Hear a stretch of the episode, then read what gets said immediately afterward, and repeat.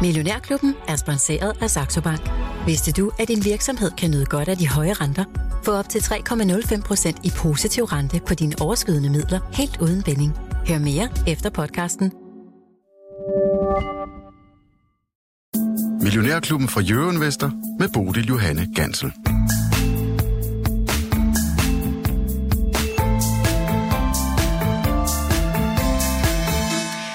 Godmorgen og velkommen til onsdag her i Millionærklubben, hvor vi i dag står klar til regnskab fra BO og til at se på nogle af de lidt mindre selskaber. Det første, det gør vi med BO CFO Nikolaj Vendelbo lige om lidt. Det sidste, det gør vi med Investment Panel Aarhus, investeringspanelet fra Aarhus Universitet. Vi har de to formænd i studiet i dag, Andreas Blom og Sonny Damgaard. Godmorgen og velkommen til jer. Jo, tak. Vi har jo altså tidligere besøgt jer i Millionærklubben. Vi har simpelthen haft fornøjelsen af at være over sende live fra Aarhus Universitet et par gange. Øh, der var I ikke med, så vidt jeg husker dengang, men øh, lige nu, der øh, sidder I altså som formand. Er det virkelig så stor en opgave, at der skal to formænd til at styre det panel der? Ja, men det er egentlig noget, som vi har arbejdet lidt på at, at udvikle os i, fordi at øhm, tidligere har det været meget sådan en, en enkeltstyret øh, organisation, hvor der måske har været en enkelt til at, til at løse alle opgaverne. Ved at sprede det ud mellem to personer, så øh, kan man både få få tid til sjov og leg, men også få, få tid til at holde styr på sit studie, og, og nogle gange kan man bare have mere travlt end andre, og så er det dejligt, at der er to personer, man kan trække fat i, hvis det endelig er. Og sjov og leg, det er sprog, vi forstår her i Millionærklubben. Det skal gerne være sjovt også at investere, selvom vi selvfølgelig også gerne vil tjene penge på det. Vi, øh, vi vender tilbage til jer lidt senere, for der er rigtig meget, vi skal nå inden da. Godmorgen, og velkommen til dig også, Michael Friis Jørgensen. Godmorgen. Du har også gået på Aarhus Universitet. Det er godt nok mange år siden. Det var så mange år siden, det stadigvæk hed Handelshøjskolen, så jeg blev lidt overrasket her til morgen, da jeg fandt ud af, at det gør det ikke mere. Michael, øh, først og fremmest tillykke med øh, den flotte start på 2023. Du er kommet virkelig godt fra start. I går, da jeg var inde og kigge øh, på Saxo Banks hjemmeside, hvor jeg kan se oversigten over de forskellige porteføljer, der var du op med 8 procent. Ja, jeg tror, det var 10 procent efter i går. Jeg tror, Holy moly, det går stærkt nu. Jamen altså, jeg har, altså, du ved, øh, jeg har jo det der sådan lidt berømt ord, at, at aktiemarkedet er altså ikke født med en mejl en kalender, ikke? Og du ved, øh, jeg, jeg det giver, altså, det er nogle af de afkast, som jeg, du ved, håbede, der kom sidste år, som, som nu kommer, ikke? Altså, du ved, øh, det er jo blandt andet Alibaba, det er ASML, det er Ja, mit Berkshire Grey, som jeg købte lige før nytår. Altså, ikke? Men, men det er jo nogle af de her ting, jeg blev hårdt ramt på sidste år, som, som jo lige pludselig vender rundt, og det er jo det her, vi en gang imellem skal huske i aktiemarkedet. Lige pludselig så passer stilen lidt bedre for det, vi investerer efter. Nu synes jeg, når jeg har taget en relativt bred stil og en lidt forsigtig tilgang, jeg har faktisk også lagt lidt kontant øh, herinde i, i starten af året, men, men, men det er det her med, at, at nogle gange så savner vi nogle afkast, du ved, og det, vi måler år for år, og sådan er det i aktiemarkedet, og nogle gange så kommer de bare. Men, men det er noget af det, der er performet. Chips har jo performet godt, ASML har performet bedre, kinesiske aktier, ikke? Jamen, der er noget, der tyder på, at de kommer igennem det her og laver den genåbning, og alle kunne jo se, hvad der skete ude i, hvad der skete i resten af verden, da man genåbnede. Ikke? Det var et kæmpe boost ind til økonomierne. Ikke? Mm. Så noget af det, det har jo kørt rigtig, rigtig, rigtig stærkt. Så, så ja, det har været en god start, og det, det er aldrig skidt at få det, fordi at vi skal jo huske på, at det er jo renters rente, når man kun har et år, du ved, så, så nu har man lidt mere at investere det er efter. fantastisk. Ikke? Michael, øh, bare lige øh, hurtigt her, inden at vi skal ringe op til øh, B og O. Hvor handler den aktie her til morgen? Den handler en lille bøtte smule op, måske endda lidt flat. Startede rigtig stærkt, øh, og det var en nedpræcisering. Ikke? Øh, man kan også læse, øh, jeg kunne se, at jeg havde taget et stort sats på den. Det var ikke et stort sats, men jeg, har faktisk, jeg købte faktisk BO i, i, i Millionærklubben i, i, i, i går før regnskabet. Ikke? Men hvis vi skal prøve at gå det igennem, Øh, en okay vækst, ikke prangende i det her kvartal. Jeg troede, de har klaret sig lidt bedre med alle deres produktlanceringer. En nedpræcisering til den lave ende. Ja, det er jo ikke øh, det, er jo ikke øh, det, jeg har gået efter. Jeg troede måske, de kunne have ramt midten, hvis de havde fået gang i deres salg, måske i deres videobar. Men for mig, øh, en af grundene til, at jeg købte den, er jo det her, der hedder brand partnering. Altså det her det her segment, hvor de ikke skal producere noget, du ved, hvor de udliciterer tingene, ikke? Altså, der ligger jo næsten en indtjening på 200 millioner, der går direkte ned på bundlinjen, ikke? Mm. Du ved, kan de begynde at klare sig godt de andre steder, så det lignende det her forretningsområde er jo meget mere værd end BO-aktien. Den gamle historie om med Vestas, hvis I skal huske det, der serviceforretning, kunne de bare holde op med at producere vindmøller, ikke? Og så lever deres serviceforretning, ikke? Så var Vestas aktien jo meget mere værd dengang, ikke? Lige pludselig begyndte de også at tjene penge på deres vindmøller, ikke? Mm. Og, og, og, det der, så det er derfor, jeg har købt dem. Men, men okay. altså, det er ikke et prangende regnskab, det her, i, i, i min optik, så der, der, der har ikke været særlig meget forventet. Det kunne jeg selvfølgelig også se i aktiekursen. Men altså, lad os, øh, tingene prøve, er ved at rundt. Lad os prøve at vende blikket mod selskabet selv. Øh, Nikolaj Vendelbo, godmorgen og velkommen til dig. Godmorgen, godmorgen. Finansdirektør i uh, netop B&O. Uh, ja, jeg har altså en analytiker her i studiet, som ikke er sådan uddelt begejstret over det regnskab, som I lægger for dagen her til morgen, Nikolaj. Kan du ikke lige starte med at male med den brede pensel og fortælle os, hvad det er for et regnskab? Jo, altså vi øh, er egentlig ganske godt tilfredse med vores øh, regnskab i, øh, i anden kvartal. Vi har vokset vores omsætning med 6 procent, og vi har leveret en positiv EBIT-margin på 1,6 procent og et positivt frit øh, cash flow. Og øh, med de udfordringer, der er i verden i øjeblikket, øh, det er jo specielt Kina, men også med den øh, nedgang i forbrugertilliden, som vi ser i Europa, så, øh, så synes vi, at 6 procent er et, øh, et rigtig fornuftigt resultat. Tænk på, at i det tal ligger der faktisk, at i mere øh, regionen er vokset med 9 procent, og Americas er vokset med 16 procent. Og så har vi så en nedgang i Asien, som skyldes Kina. Mm. Men I må dog lægge jer i den nedre del af det interval, som I tidligere har meldt ud. Nikolaj, hvad skyldes det? Jamen, det skyldes jo den usikkerhed, der er i verden i øjeblikket, så vi kigger selvfølgelig også øh, fremad. Og, øh, og, og med den forbrugertillid, der er i øjeblikket, og med det, der sker i Kina specielt, jamen, så er det enormt usikkert at estimere øh, vores fremtidige øh, kvartaler. Og dermed så, øh, så, så lægger vi os forsigtigt i forhold til den nedre ende af vores, øh, af vores guidance. Øh, det, det, det er meget svært at forudse, hvad der sker i Kina i øjeblikket specielt. Vi skal tænke på, at Kina har øh, haft en zero-covid policy øh, igennem to år. Nu har de så annonceret, at den, øh, eller den er faktisk ophævet igen. Og så kan man sige, det er selvfølgelig positivt. Problemet er bare, at på den korte bane, der har det faktisk kreeret et, et større større udsving og egentlig større kaos i kinesiske forbrugers adfærd end under øh, Zero Covid Policy. Uh, og derfor er det svært at forudse, hvordan Kina kommer til at gå i de kommende kvartaler. Ja, og Kina er jo altså, så vidt jeg husker, jeres største marked ude hos BAU.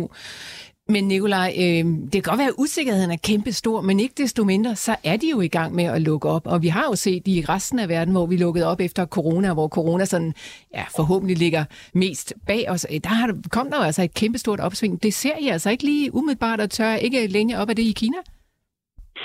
For, for nuværende ser vi ikke sådan et konkret opsving øh, komme i Kina her på den, på, den, på den korte bane. Det er jo klart vores forhåbning, at på længere sigt, så kommer det til at, så kommer det til at ske. Men det, der de facto sker, det er, at vi har haft en lockdown, som, som er zero covid policy, som jeg sagde før.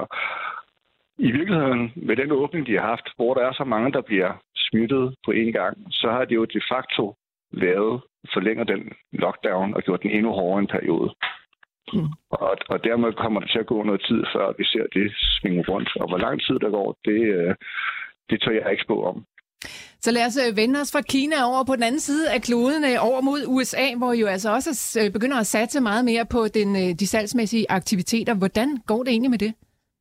Jamen, så i USA har vi øh, vokset vores omsætning med, øh, med 16 procent, og faktisk leveret det bedste kvartal i, øh, i vores øh, Amerikas region øh, nogensinde. Øh, så det går, øh, det går sådan set rigtig godt. Og øh, vi udvider øh, i USA, vi åbner flere øh, butikker øh, i flere af de store byer i USA, øh, i Miami og flere steder i Kalifornien.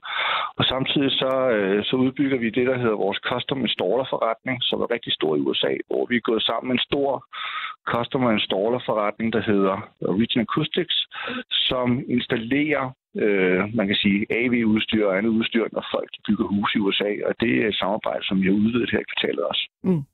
Så øh, Nikolaj, hvis du lige sådan skal summere op, hvad vil du sige bliver de største udfordringer for BAO her gående ind i øh, 23? Jamen altså, vores største udfordring er fortsat øh, Kina.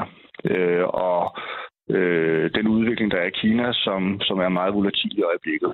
Øh, vi øh, håber på, at i anden halvdel af 23, at, at der vil være en forbedring, men timingen i det er, enormt svær at, øh, at forudsige. Så det er den ene store udfordring. Den anden store udfordring er selvfølgelig øh, Europa øh, og øh, hvor hurtigt inflationen kommer ned, og hvad det betyder for, for forbrugeradfærd. Så der er stadig store makroøkonomiske forhold i spil, når vi kigger ind i fremtiden.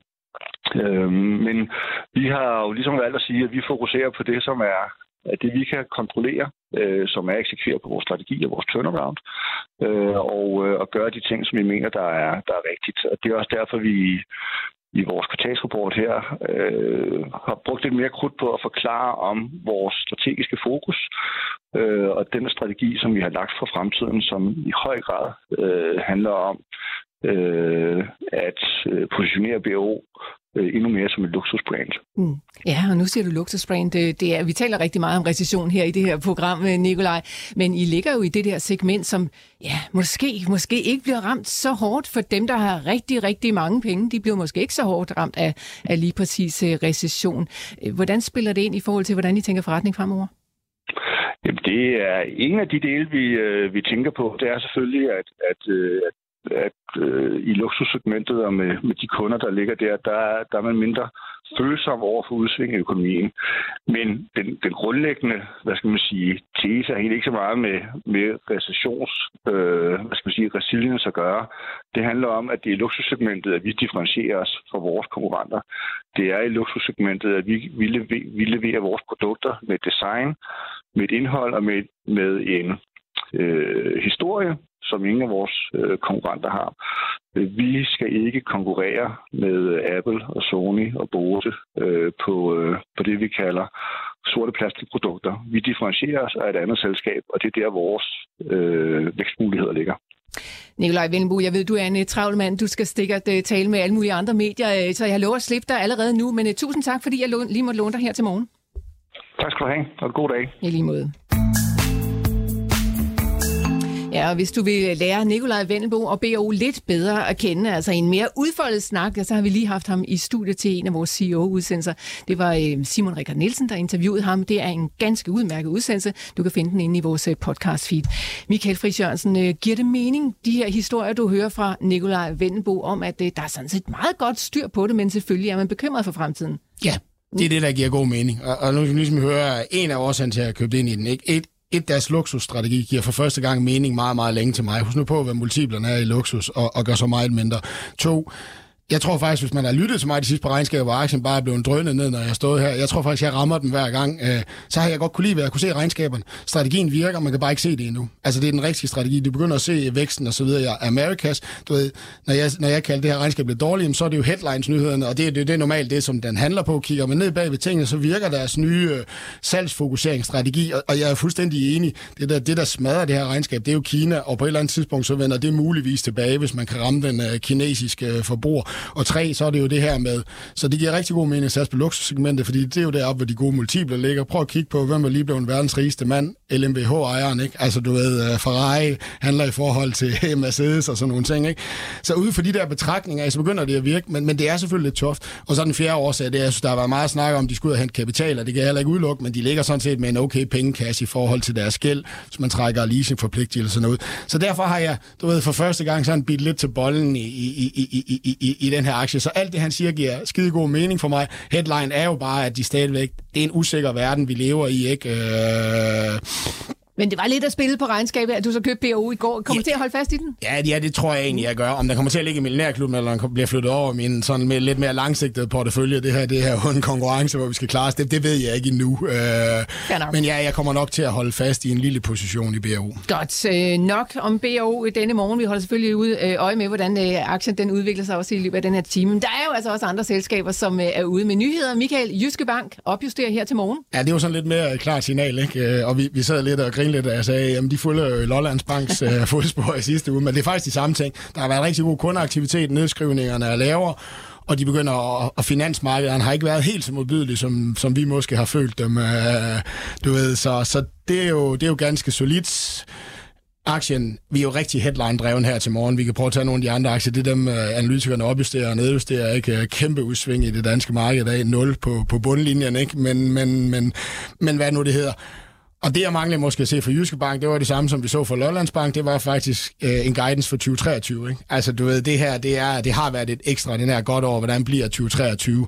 Og der var Lollands Bank jo så også ude at indikere, at det blev noget lavere. Men, men, men headline-mæssigt, så, så fortsætter Jyske Bank jo det her momentum og en massiv opjustering. Ikke? Øh, nu ved jeg godt, at vi ikke lige skal sammenligne Lollands Bank og Jyske Bank, men det er sådan set... Men altså, du kan også se, at de andre bankaktier stiger. Altså, der er jo ingen tvivl om, at der er meget, meget lidt at frygt for de danske bankregnskaber i den kommende regnskabssæson. Ikke? Det, det, det, det tydeliggøres her. Altså alle de steder, hvor der, der skulle være god, ser ud til at være, være, være god. Ikke? Kundeaktivitet, øh, rentebær, eller netto rentegæld, øh, gæld, eller netto renteindtægter og øh, finansmarkederne ikke ser ud til virkelig at give nogle fine regnskaber. Så kan vi begynde at diskutere 2023, men lige nu er vi meget kortsigtet fokuseret i aktiemarkedet, så måske ikke det værste sted lige at ligge lige nu øh, ind mod en regnskabssæson. Mm. Nogle af de aktier, der stiger her til morgen, det er altså øh, blandt andet Jyske Bank, der er oppe med over 4 procent. Ellers er det Vestas, øh, GN Store Nord og Rockwool, der ligger der i toppen. Ja. I bunden, der har vi så Genmap, AP Møller, Mærsk og Royal Unibrew. Og det, som du siger, Michael, det er en relativt store udsving, der er. Altså de, ja. de positive, de er oppe med over 4 procent. De negative, de er altså ned med mere end 4 procent. Og det er nogle af heavyweight, altså nogle af tungvægterne i, i, i OMX-indekset, så du ved, det er det der. Jamen, du kan sige, AP Møller, Mærsk og, og, og Genmap er jo analytikere, der har været ude og, og, og pille lidt ved deres estimater og være lidt mere negativ og Vestas er jo Jeffries, der går på køb. Ikke? Altså, i nogle sådan lidt tynde markeder, eller sådan, hvor vi mangler noget frem mod de her CP-tal, så er det altså noget, der virkelig kan, kan rykke ved tingene. Og det er derfor, jeg siger, skal Jyske Bank op 5% på den opjustering? I don't know, men, men når vi er så nyhedsdrevne, og den er så stærk, som den er, så fair enough. Øh. og CPI, altså forbrugerpriserne fra USA, dem får vi altså i, i morgen, og det ja. er noget af det, som øh, vi er meget optaget af. Ellers så var vi også optaget i går af en, øh, en tale fra Jerome Powell, den amerikanske centralbankchef, som uh, talte i Stockholm, og han var uh, måske ikke davish, men han var måske ikke helt så hårdisk, altså han var ikke helt så stramagtig, som nogle af de andre, vi havde haft ude og tale lidt, uh, lidt, ja, tidligere, lidt tidligere på ugen, som jo altså var sådan ret uh, stringent i at holde fast i, at renten skulle ligge på 5% i lang tid. Der var han sådan lidt mere, ja, tolket i hvert fald, lidt mere blød i det. Michael, skal vi nu til at se, at han begynder at øh, forberede at vende rundt? Ej, jeg tror mere, det var, at vi frygtede hans tale, og så valgte han jo sådan set at være på ferie i Stockholm. Ikke? Han stod og snakke lidt om, du ved, hvad er det, vi skal tænke over som centralbanker og så videre. Ikke? Altså, du ved, og folk havde nok frygtet, at han fuld, blev fuldt op, at han ville følge sine løjtnanter. Du ved, altså, hvorfor var de ellers sendt ud i starten af ugen, men det gjorde han slet ikke i, i Sverige. Der, der så det ud som om, at han, han var på ferie, så han sagde ingenting, og derfor skulle vi ikke længere frygte hans tale. Derfor ville jeg ligesom sige, så kunne vi tage noget af det tilbage i markedet, og igen i morgen på CPI'en, ikke? eller undskyld, forbruger priserne for USA, det er jo blevet kongetalt, ikke? Altså, du ved, og der er jo en, en tese i aktiemarkedet. Det var derfor, du ved, hvis man har lyttet lidt til mig i starten år, så har jeg sagt, alle siger, at afkastene kommer i anden halvår, og første halvår bliver svært. Jeg siger, jeg tror, at afkastene kommer i første halvår, fordi det her inflation kommer ned og det her, det bliver nemt at handle aktier. Vi, I anden halvår skal vi begynde, vi måske også skal bøje af på centralbankerne, men hvor meget skal vi bøje Så begynder den der lidt svære diskussion. Jeg ved godt, det er en tynd tese, men, men det er den, jeg er investeret efter. Ikke? Og ja, det ser jo faktisk ud til, at alle whisper, øh, altså dem, de der, sådan, de der, ja, hvad siger du, dem, dem man snakker om... Aktievisker. Aktievisker, dem man snakker om i korridorgangen, ikke, det er, at og man har handlet efter et, et virkelig, virkelig godt inflationstal. Og skulle vi kigge på det europæiske, så fik vi jo nogle kraftige positive overraskelser her. Ikke? Så, så du ved, nu er fokus rettet mod det her, og folk ser ud til at positionere sig ret positivt ind mod, at vi skal igen endnu en gang have måske en positiv overraskelse fra det her forbrug, eller undskyld, fra, fra inflation inflationstal for USA, som jo er kongetal. Det er jo det, der sætter retningen nærmest hver eneste måned nu, ikke sammen med lidt arbejds, arbejdsmarkedstal. Ikke? Så, så i det, han ikke sagde noget i går, så, øh, så tolkede vi ham som positiv. Ja, der skal heller ikke så meget til at gøre os glade. Ja, Sonny, du markerer det. Vi så jo også øh, PMI-tallene i sidste uge for non-manufacturing-sektoren, mm. der også var ude og hjælpe ham lidt. Der er en kontraktion på vej i servicesektoren, og det er jo vel ligesom det, han har ventet på, at der sker et eller andet med det her jobmarked. Mm. Så der, det er måske også der, der har i hvert fald fået noget hjælp, der gør, at vi kan måske godt være lidt mere positive på de der CB-tal. Ja, ja det, er, det er der ingen tvivl om. Altså, folk troede, det var jobrapporten, det var det jo slet ikke. Det var den, der kom 20 minutter efter de ja. der skide PMI-tal for servicesektoren. Så, så nu må vi se tallet i morgen, men, men, men man, er, man, er, man er måske modsat tidligere at være, sådan, være meget forsigtig og meget forsigtigt positioneret i de her tal. Så skal vi også bare erkende i morgen, der skal vi se et eller andet. Vi skal se det nok komme en lille smule ud under konsensus for, at, at markedet kan fortsætte. Men så er tallet jo det her, hvor vi siger, at det, jeg har sagt sådan lidt populært til, centralbank bankerne gør lige nu, men kommer de til at bide? De er nødt til at gø, ikke? Fordi de skal have finansielle konditioner ned. Altså, vi skal have pres på tingene. Vi skal ikke have det her arbejdsmarked, der stikker afsted. Folk skal være lidt forsigtige. Vi skal ikke have de her finansmarkeder, der bare tonser afsted. Men hvis finansmarkederne vælger at kigge på tallene, ikke, så er der jo noget at handle på her i mm. første halvår. Og det er noget af det, jeg tror, de kommer til. Hvis de kommer til at bide, så kommer de nok også til at skyde skylden på politikerne. Sådan er ja. det. Nå, øh, så mange aktuelle nyheder, vi skal omkring her til morgen, inden vi vender os mod øh, dagens gæster. Andreas Blok om, og øh, Sonny Damgaard fra øh, Aarhus Universitet. Øh, ja, hvis I har spørgsmål til dem, eller til Michael Friis Jørgensen, så er I selvfølgelig velkommen til at skrive ind. Som altid, nummeret er 42 42 03 21. Husk at starte din besked med Mio, og så smid den altså afsted på sms 42 42 03 21.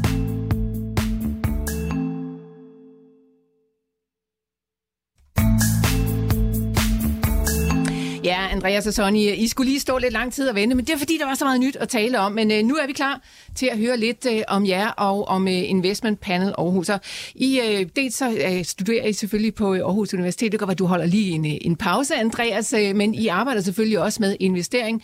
Andreas, du arbejder for øh, Thomas Tang over i Medium Invest, og øh, Sonny, du sidder ude i øh, den store pengetank Kirkby, og øh, jeg kigger på aktier derude, og øh, jeg har bare lovet at sige, at I udtaler jer selvfølgelig som øh, de privatpersoner, I er i dag, og ikke som øh, repræsentanter for hverken Medium Invest eller, eller Kirkby.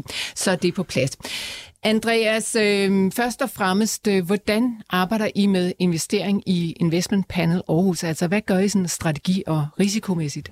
Jamen, øh, altså generelt så er vi jo øh, det, man kender som den klassiske value investor. Øh, og vi, øh, vi fokuserer meget på at lede efter det, hvor vi er sikre på, at vi holder os inden for vores circle of competence. Så sørge for at kigge på selskaber, som vi forstår, selskaber, hvor vi også kan forudse i fremtiden på, eller i hvert fald kan have en stærk holdning til det, vi leder efter.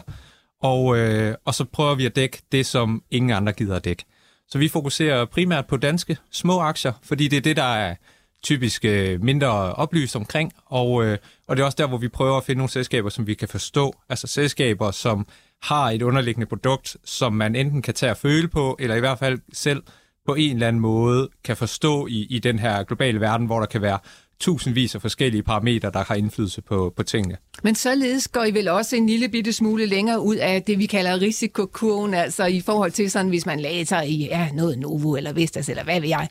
Ja, det gør vi jo, og det er jo helt naturligt. Altså man skal huske på, at unge mennesker har jo typisk en længere tidshorisont, som vi kan arbejde på, og det betyder også, at vores investeringer har mulighed for at, at vækste meget mere. Øhm, og på samme måde er det jo heller ikke, vi er jo ikke ude at investere for millioner på samme måde som, som nogle af de professionelle investorer. Og det betyder også, at, at de penge, som vi har, vil vi gerne have kunne akkumulere i en, i en meget, hvad kan man sige, mere aggressiv grad. Øh, selvfølgelig stadigvæk under en eller anden antagelse af, at vi skal jo have en eller anden risikostyring i det, for det går jo ikke bare at smide 100% på, på sort i roulette, og så håbe på, at øh, det hele det går godt. Mm. Men nu siger du, at de penge, I har, så det er jo sådan set ikke ægte penge, I investerer for. Det er en uh, modelportefølje, I, I kører med. Hvorfor egentlig det? Ja, og måske fordi der ikke er nogen penge, men altså, det giver, der det, er ikke nogen penge, giver, og... giver det mening? Altså, vi synes jo, det giver mening i forhold til, at vi skal jo have det læringsprocessen med, hvordan man sætter sig ind i aktier, hvordan værdisætter man, hvad kan vi godt lide, hvad kan vi ikke lide. Så er der så nogle regulativer, der gør, at som man en studentorganisation, der er det svært lige at få lov til at investere pengene. For hvordan skulle man ellers få fat i partner, mm. hvis man skal ud og hente partner og sige, ja, vi skal egentlig bare bruge dem til at investere for. Så det er både fordi det er mere simpelt, men så også fordi det stadig er læringsprocessen i det, der er det vigtige. Og vi vil gerne ud og have et job i investeringsverdenen, og dermed giver det god mening, at vi allerede får værktøjerne som uh, studerende. Øh, går I typisk hjem, nu kan I jo svare for jer selv, men måske også for hele gruppen, går I typisk hjem og investerer i de her aktier selv så? Jeg har i hvert fald langt størstedelen af de aktier, vi har i vores uh, portefølje. Ja. ja. Andreas? Det er, det er jo naturligt, at, at det, man sidder og dækker, øh, hvad kan man sige, på, på, på panelet, er også det, man tager med hjem og finder. Fordi hvis vi finder gode investeringer, som vi synes er attraktive i et, øh, hvad kan man sige, panelregi, hvad skulle så være årsagen til, at de ikke skulle være attraktive i en privat portefølje? Så, så på den måde, så er vores ønske jo, at, at det vi også dækker, og det vi også selv synes er attraktivt, det er jo også det, vi selv gerne vil eje. Mm. Så det kan godt være, at vi ikke har en, en decideret portefølje med penge i, men delvis vil der jo være nogle investeringer på en privat regi, som, som vi jo nyder glæde af, i hvert fald hvis det går godt. Sonny, hvor mange øh, deltagere er der i Investment Panel Aarhus? Øhm, vi har 10 medlemmer. Vi sigter efter at have mellem 9 og 13 medlemmer. Mm. Øh, det, altså, det er jo ikke for noget, men det er der ikke så mange, når man tænker på, at der er rigtig mange, der læser økonomi. Ja. Er der ikke så mange, der interesserer sig for investering derovre? Jo, der er mange, der interesserer sig for investering, men det er også noget omkring, at vi skal have en proces, hvor det ikke skal være for stort. Vi skal kunne snakke sammen om alle aktier, og vi skal have sådan en homogen gruppe, der er enige om, hvordan foreningen skal foregå. Ja, fordi det er faktisk lidt svært. Vi har haft et juniorboard her i Millionærklubben. De var til at starte med 17 mennesker, og det viser faktisk at være ret svært at køre den der slags øh, investeringsportefølje ja. som en meget demokratisk proces. Øh, alle skulle nærmest være enige om, at man investerer. Hvad, hvad gør I egentlig? Vi har jo selvfølgelig vores tal. Vi går meget op i at modellere tallene, og hvis man har en upside, så har man en upside. Så kan vi så diskutere omkring, hvad for nogle risikoparametre, der skal være inde i det, og hvordan den passer i forhold til porteføljen. Og så efter det, så giver resultatet for det meste sig selv, om den skal ind eller ud. Mm. Om vi kan finde et mere afkast i forhold til, hvad vi allerede har i porteføljen. Og jeg har faktisk taget nogle øh, cases med, og jeg skal også, jeg har lov at sige også, at det er jo ikke investeringsanbefalinger, men det er simpelthen cases, som gør, at vi kan tale rundt om, hvordan I ser på øh, aktieselskaber, og hvordan I sådan dykker ned i dem for at finde ud af, om de er interessante. Mm. Eller lad os starte med øh, en, som vi har talt temmelig meget om her på det seneste i Millionærklubben, nemlig Huskompaniet. Ja. Andreas, øh, hvad er der interessant ved Huskompaniet? Jamen, Huskompaniet var en af vores øh, store, store heste i, øh, i 2022, og som vi håbede på øh, sagtens kunne, kunne levere rigtig, rigtig fine øh, tal. Det, øh, det viser sig så at overraske os rigtig meget. Øhm, vi valgte at købe dem efter, at de var faldet øh, et stykke, og, øh, og troede på, at, at casen egentlig var intakt. Vores hypotese byggede på, at øh, vi kiggede tilbage i 2008, hvor vi også så den her opbremsning i husmarkedet. Og der så vi, at deres omsætning blev faktisk slet ikke ramt nær så meget, som vi havde regnet med af de her byggebrancher. Øhm, især fordi, at huskompaniets omsætning, hvis man bare sådan for at gøre det simpelt for, øh, for lytteren, hvis man antager, at de havde 100 millioner i omsætning i 2008, så havde de 80 millioner i 9, og så havde de yderligere 100 millioner igen i 10. Så de blev egentlig kun ramt med en 20% øh, omsætningsnedgang i den kriseperiode, som vi så. Så det tog vi egentlig med og tænkte, jamen det går nok fint, når vi nu kommer ind i den nye, nye krisemetode, øh, som vi kan komme, eller den nye recession, som, som vi nu øh, muligvis står overfor. Og, øh, og her var tesen lidt, at jamen det skal nok gå. De er en asset-light forretningsmodel. De vinder på, at øh, de sælger husene, men de står ikke med alle omkostningerne til håndværkeren og så videre, fordi det er det, de prøver at udlicitere til, til nogle andre. Mm. Så derfor så var forretningsmodellen egentlig rigtig fin. Vi troede på, at det sagtens skulle lade sig gøre. Lige indtil de kom ud med deres Q3-regnskab, hvor at deres øh, nysalg af huse faldt med 70 procent. Og så skaber det jo lige pludselig nogle bekymringer, fordi en ting er, at du kan bygge et hus, og du kan trække noget omsætning på det, men det vigtige er jo også, at du skal have omsætning i morgen, og du skal også have omsætning næste år, og du skal også have omsætning om to år. Og hvis nysalget af huse falder med 70%, så kan man jo sagtens lave den antagelse, at så må der jo være en eller anden altså, øh, ordrebog, som stille og roligt bliver mindre og mindre. Og det presser jo naturligt vores omsætning, og det er også det, som, som de selv har oplevet ledelsen, hvor de har været ude og, og nedskalere øh, betydeligt i deres antal af medarbejdere. Og det får jo en eller anden udfordring, fordi hvis selskabet i næste ende, altså på baggrund af, at de skal nok komme igennem recessionen, men hvor hårdt kommer de så til at, at være tvunget op bagefter? Fordi selskabet har stadig noget gæld, det skal man jo være opmærksom på, og, og hvis et selskab bliver alt for gældsat, og deres indtjening stille og roligt begynder at fordufte, så er det altså en rigtig, rigtig svær øh, sag at stå i. Øhm, så det er også derfor, at aktiekursen har fået nogle rigtig, rigtig store tæsk, simpelthen fordi investorerne er jo altså, de er, jo, de er jo bange for, at, at selskabet potentielt set kan gå mod nul mm. øh, i, i en meget, meget øh, voldsom recession. Men det er virkelig interessant at holde øje med de her nøgletal, fordi hvis man så kigger på, hvordan kommer nyudsalg til at udvikle sig, så får man en ret god fornemmelse af, om selskabet det kommer okay, eller om det kommer skidt igennem den her krise.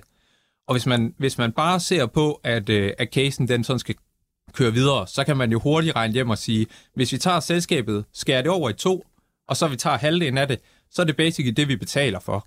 Den anden halvdel, den behøver vi ikke betale for, for den får vi gratis, når vi går ud og køber aktien. I hvert fald, hvis man kigger tilbage historisk. Så ideen er jo egentlig at sige, hvis vi ser, at de kommer tilbage, hvis de får nogle fine øh, salg af huse igen, så har vi også en case, som begynder at, at ligne, at den kommer til at være intakt. Fordi vi skal huske på, at aktier bliver jo ikke købt med et ønske om at eje dem i et år, og så tjene masser af penge på dem. Vi skal jo sørge for, at Og det er der mange af os, der ønsker. ja, ja, ja, selvfølgelig, selvfølgelig. Men, men vi skal huske på, at den akties underliggende værdi kommer jo af de her 50 års indtjening jo. Man kan ikke regne med, at den indtjening, du får i næste år, det kommer til at dække alt den øh, betaling, du har på det enkelte selskab. Mm. Så det kan godt være, at de får to, tre år måske, hvor de virkelig er presset, hvor der er nogen, der kommer til at stikke til dem, i hvert fald bankerne med deres lån. Men hvis de kommer ud på den anden side, så skal der også være mulighed for, at de kan tjene rigtig gode penge, og det er det, vi lidt håber på. Men lige nu sidder vi på sidelinjen, og så holder vi øje med de her nøgletal, fordi vi tror på, at det er det, der er den drivende faktor for den her aktie. Så Andreas, kan du sådan uh, præcisere, hvad var så den vigtigste læring for jer ved at uh, kigge på huskompaniet først sådan med ret positive øjne, og så lige pludselig opdage, at uh, måske var der også nogle, nogle udfordringer? Øhm, jamen, jeg tror, den vigtigste læring er altid det der med, at uh, historien har ikke altid ret, og nogle gange skal man se historien i den kontekst, man er i. Fordi hvis man kigger på huskompaniet i 2008, så ser man et selskab i rivende vækst. De har rigtig, rigtig gode øh, marginer, og de har en, en virkelig, virkelig stærk øh, forretningsmodel. Hvis man kigger på huskompaniet i 2022, så står de altså ud for nogle betydeligt hårdere konkurrencemæssige øh, udfordringer. De har Eudan-huse, de har øh, Milton-huse, som også er ude og, og prikke lidt til dem. Og det gør altså, at øh, vi har et selskab, der er betydeligt større.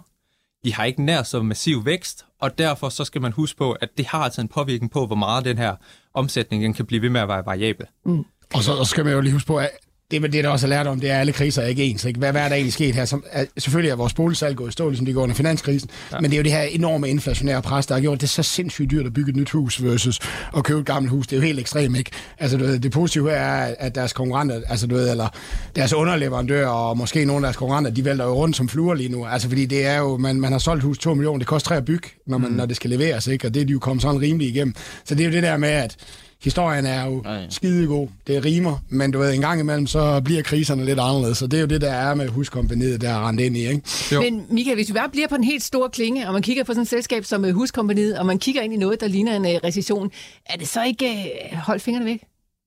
Det ved jeg ikke. Det kommer an på din tidshorisont, ikke? Altså, du, ved, du kan sige, at konkurrenterne derude, de, de, de, de, øh, de, de bliver jo absolut uh, måske endnu hårdere ramt, ikke? Størrelse her kommer til at betyde noget. Uh, så det er igen, det er tidshorisonten, ikke? Altså, du ved, som du selv siger, du får et halvt selskab uh, gratis til at sidde og vente på nogle ting. Og så skal man jo have lidt en holdning til, hvad med den her recession? Hvor dyb bliver den, ikke? Og, og er vi strukturelt under, uh, du ved, uh, er der strukturelt en, en, under, uh, en underbygning, altså, du ved, i, i deres marked? Og det er der nok egentlig sandsynligvis, ikke? Så det vil jo sige, kan vi komme relativt hurtigt igennem, kan renterne ikke, skal renterne ikke være 8% på boliglån, jamen så kan den jo også blive relativt kortvarig i, i den her aktie. Så det er jo sådan nogle ting, man skal ind. I vælger jo den der tilgang helt, som er den helt perfekte, ikke? I venter på at se, prøve at se, om nøgletallene for nybyggeri vil tikke ja, op. Altså, ikke? Fordi vi, vi synes jo ikke, der er nogen grund til at eje noget, som man ikke er sikker på, man egentlig ved, hvor ender henne. Altså, vi vil meget hellere eje noget, som vi ved, vi ligesom på en eller anden måde kan have en stærk holdning til. For der er jo ingen grund til at gå ud og smide en masse øh, tusind kroner efter noget, hvis vi ved, at vi kan ligge i noget andet, som vi synes, der er mere attraktivt, eller i hvert fald lige så attraktivt, og så bare sidde på hænderne. Uh, Warren Buffett siger det jo meget fint. Altså, regel nummer et, lad være med at masse penge. Regel nummer to, husk på regel nummer et. Ja. Altså, det er, det er det lyder, så simpelt. Det lyder meget simpelt, men i virkelighedens verden, der er det jo ikke nødvendigvis så simpelt. Altså, det er jo ikke, fordi I har sådan genereret øh, gigantisk store afkast igennem 2022. Jeg ved godt, det var et svært, et svært år, men øh, hvor meget var I nede med? Uh, vi var nede med minus 14,75 procent. Ja, ja. Nå, men det er jo ikke, altså, det er jo ikke for at sparke til jer, men det er jo bare sådan, fordi jeg ved, at vores lytter også går op og, i, og det, hvad er det, det, er nok egentlig en reminder om, at når man er i det der segment, så skal man have en relativt lang tidshorisont, for mm. likviditeten i markedet, den er jo simpelthen din fjende. Altså, du ja. ved, når, når markedet er sure, så er der ingen, der handler small og midcap aktier, vel? Og det vil jo sige, at de bliver endnu mere mispriset. Det er interessant nok, mm. men man oplever jo simpelthen også år, hvor, hvor, hvor du kan have ret i alle dine antagelser om selskabet, og det hjælper dig overhovedet ikke, fordi de bliver simpelthen ikke handlet. Altså alt, mm. Alle pengene forsvinder ud af det segment. Ja. Og det er jo derfor, at du siger, at risikoen er højere, og derfor man skal have en længere tidshorisont i det her segment, fordi misprisningen kan simpelthen være, den kan være langvej nede i, i det der segment, men det er også det, der gør det interessant at undersøge det. Præcis. Men en ting er altså øh, grundlæggende og dybe fundamentale analyser på selskaberne, men hele det her makrobillede, når vi står og taler om, at øh, vi kigger ind i en recession, og alt det, der foregår på det niveau, hvor meget debatterer I egentlig det, Sonny? Jeg er meget fortaler for det. Ja. Øh, og jeg, jeg, ja, jeg kan godt lide at snakke om det. Ja, så ja. det, det, det debatterer vi meget. Det, det, det, de andre lytte til dig. det, det ved jeg ikke. Jeg stopper jo ikke. Men, øh, det, det kan vi godt lide. Men vi har heldigvis det, at vi har måske den mest forudsete recession i, den, i hvad jeg ved af. Så vi har også selskaberne har indset. For eksempel huskompaniet har ikke taget gigantiske lån. Lidt højt gearet. Dumt opkøb. Men vi har nogle selskaber, der til gengæld så også bare bliver smidt ud med tidevandet, mm-hmm. fordi likviditeten er væk. Hvis vi også ser på vores, øh, hvad hedder det, gennemsnit af afkast, så har vi overperformet. De eneste to år, vi ikke har overperformet, det er 18 og 22. Og det var der, hvor likviditeten røg væk i markedet. Ja.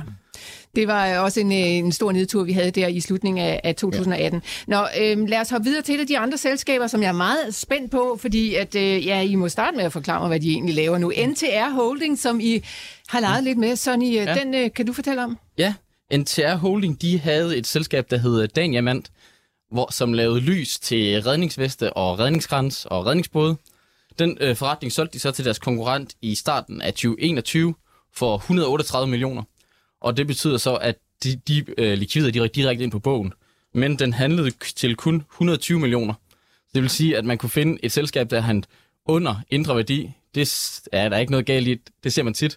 Men her havde vi så, at den indre værdi var direkte i likvider, mm. som de havde intentioner om at betale udbytte af. Så vi så egentlig, det var det største risk-reward, måske, sikreste risk-reward, man måske har set.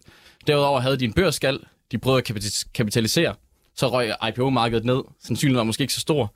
Men der har vi tydeligt set med øh, Neuroscience, som NTG købte, købt, at den blev købt for 30 millioner. Og så havde de så et udskudt skatteaktiv på omkring 30 millioner, der for den rigtige opkøber også kunne være noget værd. Så det vil sige, at vi havde en aktie, der handlede under indre værdi, og det var rent likvider, der blev udbetalt i løbet af året. Så lige så snart den var under indre værdi, så begyndte vi jo så at købe op. Og det har jo så givet os et afkast på 10,6 procent for den aktie. Mm. Ud med en meget, meget lille risiko, og samtidig så kan man så se, at den er nede i en markedsværdi på omkring 5 millioner. Mm. Så hvor volumen er måske ikke rigtig til sted mere. Men det lyder lidt som sådan lidt, ja, en leg, ikke? Fordi, at, mm. hvad laver de? Jeg tror, der er vist lidt noget tyske entreprenører. De solgte deres uh, tyske entreprenører. Ja, så okay. det, det er jo faktisk bare et holdingfirma med en masse penge. Og hvis man nu, det er jo ligesom det, vi kan se, at hvis man går ned i de der underliggende selskaber, så kan man finde aktier, hvor der var noget information, der ikke er priset ind. Mm.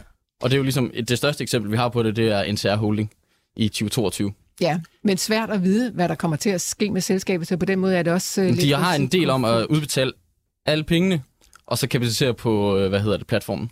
Altså, når du fremfører det på den måde, så lyder det næsten fornemt til at være sand, øh, Michael Friis Jørgensen. Hvad siger du til sådan nej, en nej, der? det er det jo ikke, men, men, men, men husk nu på, at, at, at, at, at nå, lad os så smide nogle penge ned, så jeg kommer med en million i dag, for jeg kan se, at der er 5% rabat, ikke? Øh, det kan ikke lade sig gøre. Det, det er nummer et. Nummer to, nej, for jeg synes, det er ret tydeligt. Altså, fordi det der er ikke nogen handelsvolumen? Der er jo ikke nogen handelsvolumen, så du, du vil jo presse aktien op, ikke? Så det, det er den ene ting. Det, det, det, det, det er det, der er gode ved en modelportefølje, og jeg, jeg synes, det er en skide god idé at have en modelportefølje.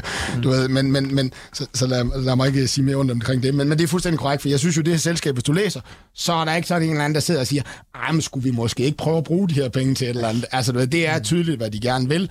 Og så er der børsskallen, ikke? Øh, og, og børsskaller, jamen dem er der jo nogle stykker af. Der er jo nogen, der har det her danske biotech-selskab, det var også, som, som, som også gik konkurs, som er en børsskal. Men altså, der er jo nogle gange, det er en god idé at få en bagdør ind på, øh, på børsmarkedet som den billige måde, og det er måske ikke verdens farligste forretning, de har haft liggende det. Så der er muligvis en værdi i den der børsskal, som kan give dig, du ved, noget, hvad hedder det, hedder det flødeskum på toppen af, mm. af, af lavkagen. Så Problemet er bare, at, at du ved, at, at, at der bliver ikke handlet ret mange aktier. Det vil sige, hvis du skal gøre her, så pas nu meget på at få lagt limit og sådan nogle ting ind. Du kan ikke bare lægge ud, jeg gerne vil købe 1000, vel, fordi det kan jo presse prisen uh, markant op over de der ting. Så, så ud fra den betragtning, så er jeg fuldstændig enig, at at vi har, vi har også kigget på sådan nogle mindre selskaber, hvor vi ligesom kan sige, uh, når du kigger ned bag ved aktiverne, ikke? Øh, og, og så er de absolut ikke priset ind. Ikke? Altså, du ved, det, det er der dernede, ikke? fordi de leverer et kedeligt regnskab. Der kommer ingen selskabsmeddelelser fra dem, vel, øh, eller noget som helst. Og nedenunder det der. Og der har vi jo bare et klassisk eksempel på. Der ligger en pengekasse, som der ikke er nogen tegn på, at der er nogen, der får en god idé at skulle ud og bruge.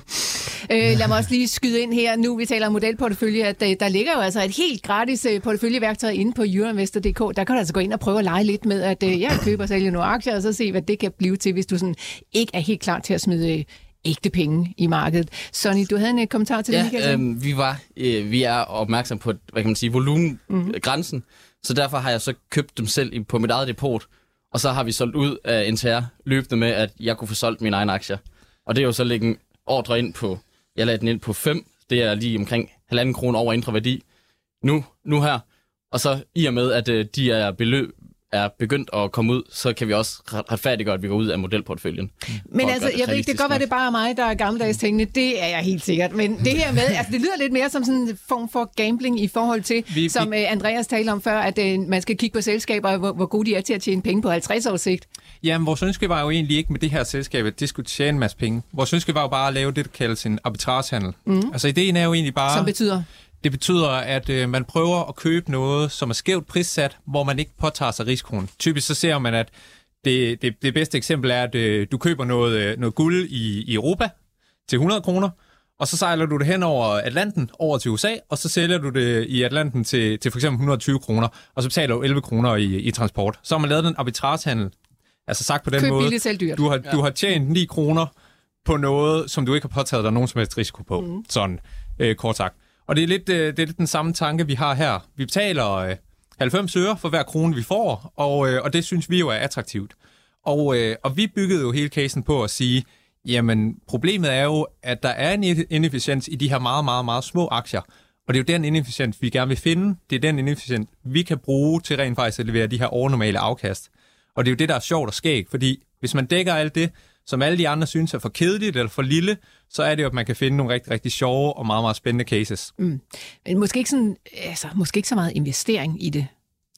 Altså, hvis jeg køber øh, et selskab, og jeg kan få 10% i afkast på et år, så synes jeg, det er rigeligt fint i forhold til, at min risiko, den er i hvert fald i mit øre, øh, eller i mine øjne, 0%. Mm. Altså, så på den måde synes jeg, det er fint. Og så okay. oven i det fik jeg jo øh, kirsebæret på toppen, hvis nu at de får solgt deres øh, børskal til noget.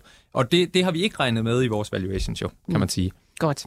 Nok om uh, NTR Holding, som I altså havde uh, ja, smidt nogle penge i. Vi skal videre til uh, Skarko, Skako, jeg ved ikke, hvordan I udtaler det, Sonny. Det er dig, det er dig der uh, tager den også. Vi er over i noget beton ja. og den slags. Ja. Det var en af vores mest overraskende aktier. Den har genereret et afkast på over 20 procent i år. Og de, altså i år? I, i 2022, undskyld. Okay, ja. I 2022, og det var egentlig lidt overraskende, fordi de har to forretninger. De har en, noget, der hedder Concrete, som er beton, og så har de noget, der hedder Vibration. Hvor deres Concrete, tænker man, det er bygge. Altså, det er noget, der skal ned nu. Folk bliver bange for fremtiden. Men de har så en historie om, at de ikke har kunne generere en positiv EBIT-margin på Concrete, men har haft en idé om, at den bliver bedre og bedre og bedre. Så gik vi ind, kiggede på, hvad skete der, da de gik i gang med det her initiativ, og hvad der skete siden. Og der kunne vi se, at der var en underliggende idé om, at EBIT-marginen steg, samtidig med, at de fik nogle af de her dårlige ordre ud, og de fik positive ordre ind. Så vi tænkte, det giver god mening. Der er en turnaround på vej i Concrete. Det kan vi godt lide. Hvad så med Vibration? Hvad, og, og hvad ligger der under Vibration? Vibration, det er nogen, der laver vibrationsfeeder og bånd, der kan bruges til øh, at få i, hvad hedder det, maskiner. Sortere ting. Sortere ting. Kæmpe, kæmpe transportbånd, der sorterer, sorterer ting. ting. Og de er, er det sådan noget genbrug af den slags, de kan? Præcis. Ja. De har genbrug, og så har de mineraler, miner, og så har de øh, til øh, bilfabrikker. Og bilfabrikkerne er begyndt at falde. Den er faldet lidt. Produktionen er faldet. Mineralerne, det er primært til fosfat i Nordafrika. Og der kan man se, at fosfatprisen, den er tredoblet. Så det, det er en idé om, at den her sektor har været underinvesteret markant flere år. Det er de se, begyndt at se på ind i. Og så har vi den her recycling. Vi skal have genbrugt alting. Det er en klar underliggende faktor. Og der har vi en margin, der egentlig var stødt stigende omkring mellem 8 og 10 procent og vi havde en øh, vækst på mellem 6 og 7 procent. Så Vibration var vi overhovedet ikke bange for. Hvis man kunne sælge begge selskaber, tage Concrete fra, så kunne vi godt lide selskabet. Mm. Så havde vi så den her underliggende øh, turnaround i Concrete, som bare er blevet ved med at give. Og de har så samtidig ikke været lige så cykliske, som vi forventede, da de har de her øh, store infrastrukturprojekter i Frankrig og USA, ligesom har understøttet dem med de her betonsplæningsanlæg, hvor de så samtidig har serviceaftalen, som vi kan snakke om i Vestas. Og det er jo der, den høje magien kommer. Mm. Kan de bare blive ved med at få sat, hvad kan man sige, deres plants, øh, fabrikker og betonbringsanlæg op til næsten ingen penge, og så bare få servicen ind, så får de jo en markant højere margin. Mm-hmm. Og det er jo sådan noget det, hvor markedet har været bange for, at den her concrete afdeling den vil falde fuldstændig. Men de har leveret tre opjusteringer i år, og det bliver ved med at bare komme. Og deres 2024-mål forventer vi, de bliver opnået i 2023, så de, vi forventer, at der kommer nye langsigtede mål, som kan være endnu en katalysator for aktien. Mm. Og det, der også gør den interessant, det er jo det der med, at de faktisk har lokal produktion i USA. Altså, ja. du ved, uh, Bidens infrastrukturplan, ikke? Altså, når man skal lede efter danske selskaber, som har lokal produktion derovre, og måske vil være godt eksponeret mod det der, uh, du ved, America's First marked, ikke? Så, så, så, så, det tror jeg, det er noget af det, der også har beskyttet det, hvis jeg ligesom skal vurdere ja. det sådan lidt op for, for helikopterne, ikke? Jamen, det er ikke en aktie, du sådan følger tæt, Michael? Nej, eller? det er ikke en aktie, jeg følger tæt. Nej. Ja, den har en markedsværdi på lige omkring 150 millioner. Så. så hvad er jeres sådan, tidshorisont i forhold til den øh, investering? Er det en, der skal... Jamen, vi har jo ikke som sådan en tidshorisont. Vi, tager en, vi har en tidshorisont, indtil den er færdig værdisat. Mm. Og vi har en, en værdisætning på omkring 90 kroner. Og så tænker vi, hvad kan vi ellers få? Hvis der kommer en aktie ind, hvor vi kan få et højere afkast, så smider vi den ud og tager en ny aktie ind. Og nu laver I jo rigtig mange forskellige ting, fordi ikke bare I studerer, I jo altså også ude og har et spændende og, og, og et store studiejob. Altså, hvor meget tid øh, har I egentlig til at følge for eksempel sådan en lille aktie, sådan, ja, nærmest på, jeg vil lige vil sige, der kan jo komme nyheder på daglig basis? Ja, vi har jo altid de der newsletter signed op, og man har dem klar på, sin, øh, på arbejde, hvornår der kommer nyheder ind, og så har man samtidig, jeg ved ikke med Andreas, men 3-4 aftener om ugen, der kan man jo godt sidde og lave et par valuations af de forskellige selskaber, som man har en idé om, hvor de er på vej hen og der er jo kun øh, kvartalsmeddelelser øh, fire gange om året, og der sker ikke så meget mere selskabsnyt med de her små. Der kommer lige nogle store ordre engang imellem, der godt kan påvirke kursen. Mm. Og så er ja. det jo også det her med, at når man har en interesse for det, så, så typisk så kan man ikke lægge det fra sig. Så øh, det kan godt være, at man har fri fra arbejde, når, når klokken den er fire, men, øh, men, men det betyder altså ikke, at når klokken den er 8 om aftenen, så kan det godt være, at der popper et eller andet op på skærmen, som man alligevel synes er lidt interessant at kigge på. Så det er jo også det der med, man har jo stadigvæk hele tiden fingeren lidt på puls med det, man dækker, og, øh, og, og så vil man også naturligt øh, dække det både i, i arbejdsregime, men også når man sidder på skolen, fordi at vi jo, vi er jo flere mennesker omkring det, så vi er jo med til hele tiden at, at kunne dække hinanden, hvis, hvis nu at øh, jeg holder øje med, med huskompaniet, mens der er en anden, der, øh, der har en forelæsning, jamen så, øh, så kan det være, at, at han kommer ud tre dage senere, mens jeg sidder og laver et eller andet øh, dybtgående. Og så, øh, og så på den måde er vi jo flere øjne til hele tiden at se, når der kommer nyheder. Ikke det Og- aktienørder, jeg er, jeg er vild med det. Det er lidt med den der stokboks. Når man først er blevet bidt af den, så kryber den altså ind under huden, og så kan man altså ikke øh, sådan helt slippe det, uanset om man holder fri, eller ferie, eller weekend, eller hvad man nu end gør. Øh, lad os hoppe videre til den øh, sidste aktie, så vi lige kan nå at få dem alle fire med. Og det er så en aktie, som jeg slet ikke kender. Vi er ude i noget cykelforretning. Andreas, fortæl os, hvad det handler om. Ja, altså det er jo øh, Bike 24, som øh, vi også har taget med, og øh, det, det kommer jo lidt på baggrund af... Tysk selskab. Det er et tysk selskab, Ja. vi har fat i, og øh, de fleste lyttere kender måske noget, der hedder øh, Cykelgear. Det er et, øh, et selskab, som i, Danmark sælger øh, cykeldele øh, til, til cykelentusiaster via nettet. Og, og det her det er den tyske pendant, Bike 24. Øh, betydeligt større selskab, har også et, et betydeligt større produktsortiment, og, øh, og de er faktisk øh, de ledende i, i Europa. Og, øhm, og det, der, det, der er spændende ved det, det er, at øh, der er lige to ting, man skal have med jo. En ting er jo det her med, at, at man jo nogle gange snakker om, at det, det er kedelige at eje aktier, som, øh, som falder rigtig meget. Og, øh, og det her, det er en aktie, der er faldet rigtig meget. Men der er også nogle gange det der med, at man skal huske at kunne differentiere mellem, er det retfærdiggjort, eller er det måske et selskab, som kan have nogle elementer af, at det bliver spændende om lidt. Og, øh, og jeg tror, at Bike 24 har nogle elementer af, at det kan blive spændende om lidt, hvis man sørger for at holde øje med det. Det er ikke nødvendigvis, at det er det nu, men det kan det blive. Fordi Park 24 har historisk klaret sig rigtig fint, har haft rigtig, rigtig gode øh, omsætningsvækst, og har leveret en, en organisk omsætning de sidste øh, fire år på omkring de her 25 procent. Øh, samtidig så handler øh, selskabet til en EV-EBIT på omkring en 15, og, øh, og har fået nogle rigtig, rigtig store tæsk på det sidste. Vi har jo oplevet det her med, at øh, forsyningskæderne er blevet belastet helt vildt meget i løbet af 2022, og det har gjort, at alle de her... Øh, de her retailers, de har jo bare higet efter at få produkter ind. Så de har gjort alt, hvad de kan for at få produkter. Og det har de så fået nu. Øh, Så det betyder så, at alle lagerne, de er så blevet pumpet op. Og, øh, og det er jo ikke godt for en, for en detailbutik, øh, fordi at vi skal jo gerne sørge, at vi, vi skal have styr på, at de her lager, de er nogenlunde er til at håndtere. Øhm, Så det betyder, at nu er de gået i gang med alle sammen at sælge ud af deres lager. Og det skal man altså gøre med nogle kampagner, som, øh, som gør, at pri- priserne lige bliver trykket lidt ned. Og naturligt, så har det jo øh, et pres på ens marginer, og, øh, og nu nævnte jeg det tidligere, og nævner det igen. Det kan godt være, at det selskab ikke tjener penge det næste år, men hvad hvis de kommer til at tjene penge de næste 5 år, eller de næste 10 år? Og her har vi et Hvad hvis selskab... de ikke gør? Hvad hvis de ikke gør? Så er det jo så er det en udfordring. Men her har vi et selskab, som virkelig er blevet presset af den her lagercyklus, som, som vi er inde i lige nu. Og, øh, og alle deres konkurrenter er også gået i gang med at sætte priserne ned.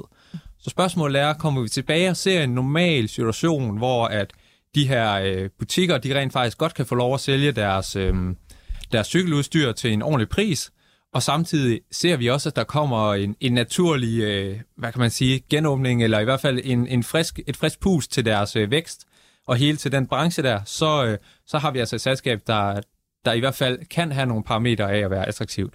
Bike 24, altså bare Bike 24, øh, Ja. hvis man skal google lidt og, og kigge på den øh, derude. Altså, det altså, jo stadigvæk i, sådan på en stor klinge relativt lille selskab Det- i det er det, ja. Tyskland. Andreas, hvordan i alverden får I blik for sådan et selskab? Hvordan opdager I sådan et selskab som det? Ja, men det er jo igen, det er jo, det er jo interesse. Nogle gange så popper der noget op. I det tilfælde var det faktisk min far, som, øh, som, som gav mig inspirationen til det. Øh, jeg sad på en aktieliste og, og rullede ned, og så lige pludselig så popper der Bike 24 op, og, øh, og vi har en eller anden sjov øh, historie om derhjemme, så burde min far jo have sin egen øh, terminal til Bike 24, for der kommer rigtig mange pakker ind derfra. Er det sådan noget med mænd i lykra, det der? Det er lige præcis det, det er. Det er mænd i lykra, og de elsker at cykle helst 100 km om, øh, om ugen, hvis de kan få lov til det. Og hvis der er noget, øh, han elsker, så er det at sidde derhjemme i sofaen og, og købe ind fra Bike 24. Så jeg havde en god forståelse af, hvad laver de? Hvad er den underliggende forretning? Og det her med, som vi snakker om tidligere, det er vigtigt, at du ved, hvad det er for en forretning, du investerer i. Og det havde jeg en rigtig god fornemmelse af. Og jeg havde også en fornemmelse af, at de havde et, øh, et godt koncept, og så samtidig så viste tallene bare, at, øh, at det var gået rigtig, rigtig godt historisk. Og oven i det, så har de jo en vækststrategi lige, lige nu, som er, som er super simpel at forstå, men som er rigtig, rigtig kraftfuld. Deres idé er at tage det her tyske koncept af at, af at sælge udstyr øh, fra Bike 24 af på, på en tysk hjemmeside, og så også på en international hjemmeside på engelsk, og så egentlig bare øh, udføre det samme i, øh, i andre europæiske lande. Så de er gået til Frankrig, og de er gået til Spanien, og så har de lanceret en hjemmeside, og det eneste, de har gjort, det er, de har lige ændret sproget. Så i stedet for, at du skal sidde og læse engelsk, så kan du få lov at læse det på fransk. Det gør altså lige, at, øh, at de her regioner, de, øh, de oplever altså en, en omsætningsvækst på 203 procent. Mm. Øh, selvfølgelig fra nogle, fra nogle lave områder, men, men hvis man ser på dem i dag, så, så udgør de her øh, nye vækstregioner cirka 11 procent af omsætningen. Og, øh, og, og bare med et slag på tasken, hvis så de laver 100% det næste år, jamen så giver det altså en 11% øh, omsætningsvækst for hele koncernen, som man kan lægge oveni den underliggende vækst i det marked, som der er. Og, øh, og det er virkelig noget, der, der, der bringer noget, noget godt øh, lys til, til sådan et selskab som det her. Mm. Og det er vel en af de der pandemivinder, som vi jo nok alle sammen Det har er troet det, ville det er være det helt lidt klart. stærkere, når pandemien løb ud. Ikke? Vi har sad alle sammen hjemme, og nu skulle vi jo cykle og sad hjemme og, og bestille det online. Ikke? Og det er jo gået, altså, og det er vel det der med bølgedal for høj, bølgedal for lav, øh, sandsynligvis. Ikke? Øh, Ligesom vi ser på mange e-handelsaktier. Men nogle af dem er jo begyndt at komme igen booste. Du ved, øh, jeg kunne se i Saxo også på jeres hjemmeside siger, at, at, du ved, at ja, vi havde fået handlet dem for højt op. Vi havde troet, de var, men, men strukturelt ser det nu også ud til, at måske, at, hvor der slet ikke der handler på online, vel, at, at vi måske øh, underestimerer, du kan sige, øh, hvor meget sådan nogle online forretninger egentlig kan omsætte for, når verden måske bliver lidt mere normal. Ja. Mm. ja, det kan godt være svært. Nå, men jeg synes ikke, at det på nu... Jeg synes faktisk, det er en virkelig god idé, det her med, når man også ligesom prøver at tage udgangspunkt i sådan nogle egne interesser, eller ja, måske også egne kompetencer i forhold til, hvad man arbejder med. Nu arbejder I selvfølgelig med aktier, det giver sig selv, men det kan jo være, at man arbejder i en medicinalvirksomhed, eller øh, som buschauffør ved præcis et eller andet spændende nyt, der sker der, eller hvad ved jeg, så kan man sådan starte der, hvor man har sin egen lille bitte edge, og begynder at finde selskaber inden for den der niche, og så kan det jo være, at man finder noget, noget spændende. Nå, øh, tak for den øh, gennemgang, Bike 24, den kunne vi da godt sådan begynde at holde lidt øje med, Michael. Øh, Det kan være, at den popper op øh, senere. Jamen, i- jeg synes, e-handelsaktier synes jeg er super interessante, du ved, og, og de her må om nogen være ramt helt sindssygt hårdt af forsyningskæden. Jeg kunne se Donkey Republic ude og, du ved, nævnes der, fordi at vi kan ikke skaffe cykler. Altså, du ved, det er, det er jo Kina. Det er mig, der ikke kommer ud af Kina derfra, og meget af de her produkter, ikke? Så de må være sindssygt hårdt ramt af, af omkostninger, og har været nødt til at fylde lager op, for simpelthen at have noget på bøgerne, fordi man ikke vidste. Og de, de ting begynder at løse sig nu, så ja, det kunne være en, der var rigtig sjov at holde øje med. Yes, Jakob fra Roskilde, han skriver til os, Hej Millionærklubben, tak for et godt program. Jeg nyder hver dag at blive opdateret på Aktienyt med mere igennem jeres podcast til inspiration for min egen portefølje. I en verden fuld af informationer og nyheder, hvor finder panelet så deres troværdige nyheder? Udover selvfølgelig Euroinvestor.dk, skriver han øh, nok så sødt. Øh, er det på et bestemt nyhedsmedie, eller er det på virksomhedernes egen hjemmeside, eller hvordan? Sonny, hvad gør du egentlig? Mm, Jeg kan godt lide Investor, så har vi... øh, Ah, altså, Så har vi, så har vi diverse Ah, fedt, informationskanaler ude på arbejdet, jeg godt kan lide at bruge. Ja, Og så kan jeg godt lide at... og du har selvfølgelig adgang til alt ude Ja, på ja. dit øh, jeg arbejde. kan godt lide at læse analyser, og så har vi også, jeg kan godt lide, for eksempel hvis jeg skal kigge aktier til, hvad hedder det, investment panel, så går jeg ind og kigger, hvad har andre kapitalforvaltere af small cap? Mm. Ofte så er der også en mi- mindre analyse. Vi har for eksempel kigget på JDC Group, hvor mig og Andreas, vi var, havde et opkald med deres direktør i går, mm. efter at uh, Symmetry har lagt deres uh, analyse op. Ja, Altså, vi, kan ret Andreas? godt lide at, vi kan ret godt lide at prøve at se, om vi kan piggyback på, på nogle af de forskellige øh, altså offentlige øh, lister, der ligger derude. Det kunne, være, det kunne være Symmetry Invest, det kunne også være øh, Øh, danske small cap og sådan noget. Og, og vores ønske er jo så ikke at sige, Nå, men jamen, hvis de køber dem, så må det være attraktivt. Men tværtimod at sige, det kan være, der er en mulighed. Det kan være, der er noget. Vi får i hvert fald en liste, der bliver reduceret fra måske at hedde 10.000 til måske bare at hedde 10. Og så er det jo ideen om igen at holde sig, øh, holde sig for øje. Er det noget, jeg forstår? Er det noget, jeg kan regne hjem? Er det noget, jeg kan se rent faktisk har en værdi, som jeg også kan eje i, på en længere sigt, og som handler til en god pris jo? Øh, og så udover det, jamen så, øh, så tror jeg, at vi finder størstedelen af vores information fra, fra regnskaberne. Altså, mm. hvis man skal lave nogle analyse, så skal man holde sig til, til kerneværdien af det, og det er at ligge i, øh, det er at ligge i, primæ, øh, i det primære øh, materiale. Lad være med at, at tro på, at øh, hvis man nu ser en eller anden, som har skrevet et eller andet ude fra øh, en, en tredje kilde, så bliver det svært at vide, om det nu helt passer. Altså, det er meget nemmere at bare gå ind, træk deres årsregnskab, sæt dig ned, læs fra side 1, så rammer du nok side 100 på et tidspunkt. Det, Det er tager hvad- lidt tid, men det er rigtig sjovt. Det er i hvert fald svært at komme udenom regnskaber, hvis man øh, skal investere. Øh, Michael, bare I- helt i- kort i det til sidst. segment Hvad der, kigger, der er hvad der- kigger du på af nyhedssites? Jamen altså, jeg Meget bruger kort. meget Yahoo Finance, Euro Investor, du ved, så bruger jeg Seeking Alpha til at måske at prøve at se, om der er nogle analyser, hvis jeg er nede i de mindre selskaber, og pas nu på med dem her, der er også meget uh, crap derude, ikke? Øh, Men du ved, hvis man har lidt uh, snusfornuft, men det, men det er nogle af de ting, jeg bruger. Og så bruger jeg faktisk meget selskabernes uh, telekonferencer, du ved, altså det, ja. hvad selskaberne siger, lad os nu bare slå fast, at det er måske dem, der ved bedre end analytikerne. Ja, det må vi håbe på. Nå, vi sætter et punktum der. Vi når desværre ikke mere. Andreas Blom og Sonny Damgaard, tusind tak, fordi I kom her fra Investment Panel i Aarhus. Tak til dig, Michael Friis Jørgensen. Vi er selvfølgelig tilbage igen i morgen, når klokken er 9.06.